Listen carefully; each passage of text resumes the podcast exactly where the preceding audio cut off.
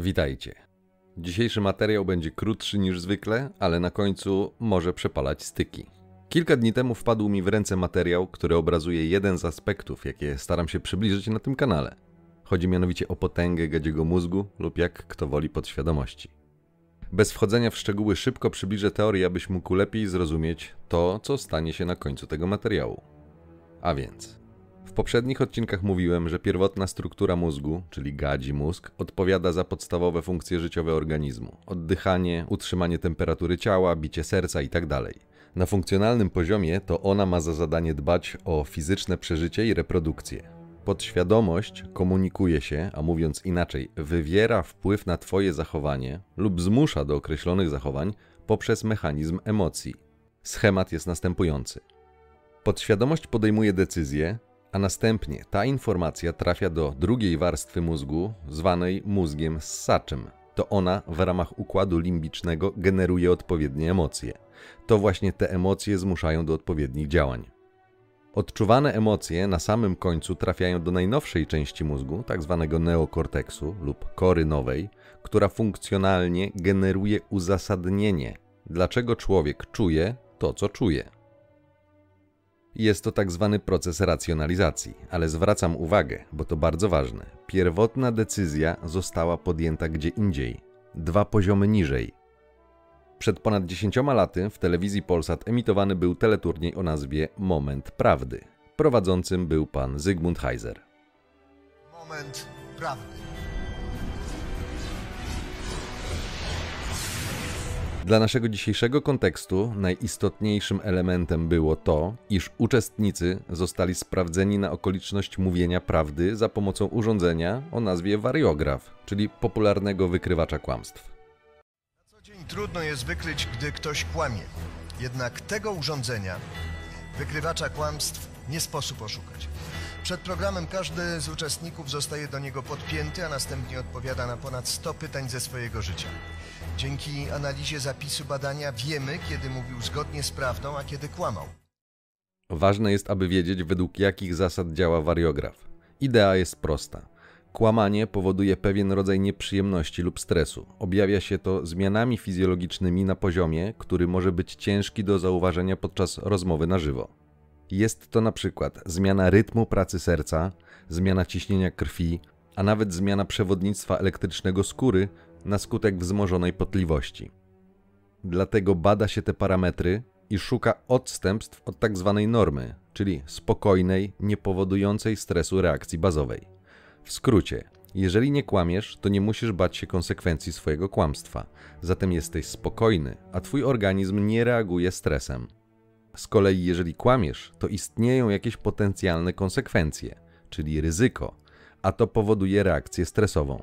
Te zmiany fizjologiczne są bardzo podobne do tego, jakby organizm, odczuwając zagrożenie, przygotowywał się do reakcji walcz lub uciekaj, a do tego potrzeba przygotować właśnie ciało. Wariograf może wtedy zauważyć właśnie te somatyczne oznaki stresu i zmiany w fizjologii. Szuka się zatem tych niespójności. Słowa mówią jedno, ale ciało coś innego, że jest właśnie oznaka niepokoju, stresu. Dokładnie tego się szuka, tej niespójności. Na identycznej zasadzie działają shit testy. Szukają niespójności między słowami a zachowaniami generowanymi przez stany emocjonalne.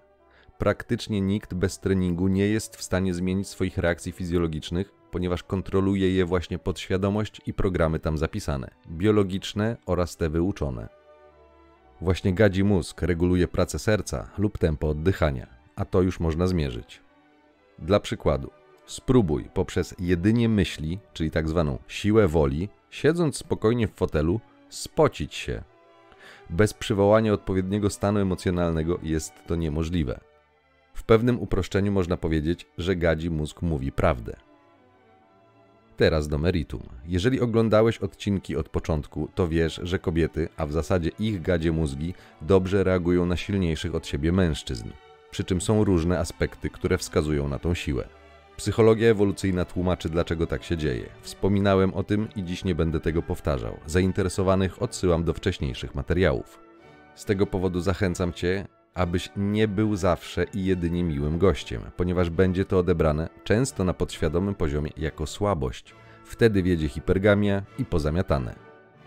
Tłumaczyłem również, dlaczego kobiety dobrze reagują na silne cechy, nawet jeżeli są realizowane w manipulacyjnych kontekstach, co widać w badaniach odnośnie mrocznej triady. Oczywiście nie wszystkie panie, nie wszędzie i nie zawsze. Natomiast tendencja do tego typu zachowań jest widoczna i potwierdzona badaniami. Zatem, generowane przez gadzi mózg pożądanie do silniejszego samca ma niewiele wspólnego z mityczną miłością, natomiast jest faktem i działa, przez co powoduje konkretne zachowania. To dlatego paniom niekiedy tak trudno jest oprzeć się bedbojom i dlatego powstało powiedzenie, że łobuz kocha najmocniej.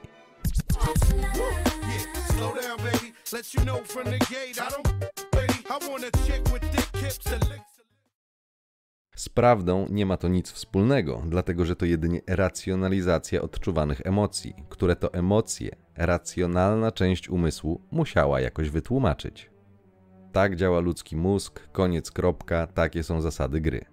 Właśnie z tego powodu niezmiennie zachęcam Cię do poznania siebie, czyli chociażby rozpoznawania swoich emocji, ponieważ one są często driverem zachowań. To powiedziawszy, przedstawiam fragment wspomnianego teleturnieju, który na końcu pokazuje pozorną niekonsekwencję i dla nieświadomych mężczyzn może być szokiem. Jest jednak też dowodem na to, o czym mówię na tym kanale. Jeśli taka konsternacja lub szok wystąpiła u ciebie, to tym bardziej musisz wiedzieć. Mam nadzieję, że pomoże Ci to zrozumieć koncepcję, aby patrzeć na czyny, a nie słowa, dlatego że czyny to działanie, a one musiały przejść przez wszystkie, wręcz neurologiczne poziomy, począwszy od pierwszych impulsów w gadzi mózgu, aż po działanie. Dlatego podświadomość najczęściej rządzi zachowaniami. To, co wydaje się nam, że myślimy, a to, co naprawdę siedzi w naszych głowach, to bardzo często dwie różne rzeczy. No to jedziemy z koksem. Czy uważasz, że twój mąż cię docenia? Nie. Ta odpowiedź to prawda. To jest jej zdanie. Ty uważasz inaczej? Uważam, że to jest nieprawda. Czy uważasz, że zasługujesz na lepszego męża? Tak. Ta odpowiedź to prawda. Już kiedyś powiedziałem na ten temat. Jeżeli chce, może poszukać szczęścia. Jeżeli tak źle. Ale coś w tym jest, skoro Janna stwierdziła, nie skłamała, bo sprawdziliśmy to. To jest tak, że jak dasz palec, będzie chciała rękę. Dasz rękę, będzie chciała wszystko. Nie? I tak jest w przypadku Janny? Z każdą kobietą tak jest. Czy kiedykolwiek czułaś się w małżeństwie jak w więzieniu? Tak. Ta odpowiedź to prawda. To jest dosyć smutne. Dzieci, obowiązki. Większość kobiet tak ma. Czy kiedykolwiek zdarzyło ci się udawać, że śpisz, by uniknąć seksu? Tak. Ta odpowiedź to prawda. Czy kiedykolwiek twój mąż uderzył cię w obecności dzieci? Artur nie chce usłyszeć odpowiedzi na to pytanie. Mam do tego prawo. Czy uważasz, że twoje małżeństwo zrujnowało ci życie? Tak. Ta odpowiedź to prawda. Czy uważasz, że twój mąż cię kocha? Nie. Ta odpowiedź to prawda. To jest nieprawda. A jak jest naprawdę? Jej zdanie przeciwko mojemu zdaniu. Ale możesz powiedzieć z ręką na sercu, że Kocham kochasz ją. żonę? Kocham ją. Już niedawno jej to mówiłem. Czy twój mąż kiedykolwiek szantażował cię, że jeżeli od niego odejdziesz, pozbawi cię środków do życia? Tak. Ta odpowiedź to prawda. Dlaczego tak zrobiłeś? Pewien wybieg. Szantaż, żeby nie odeszła?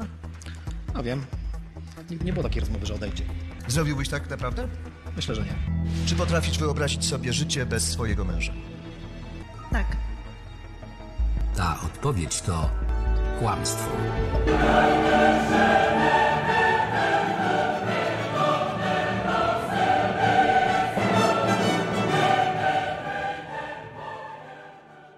Ciąg dalszy nastąpi.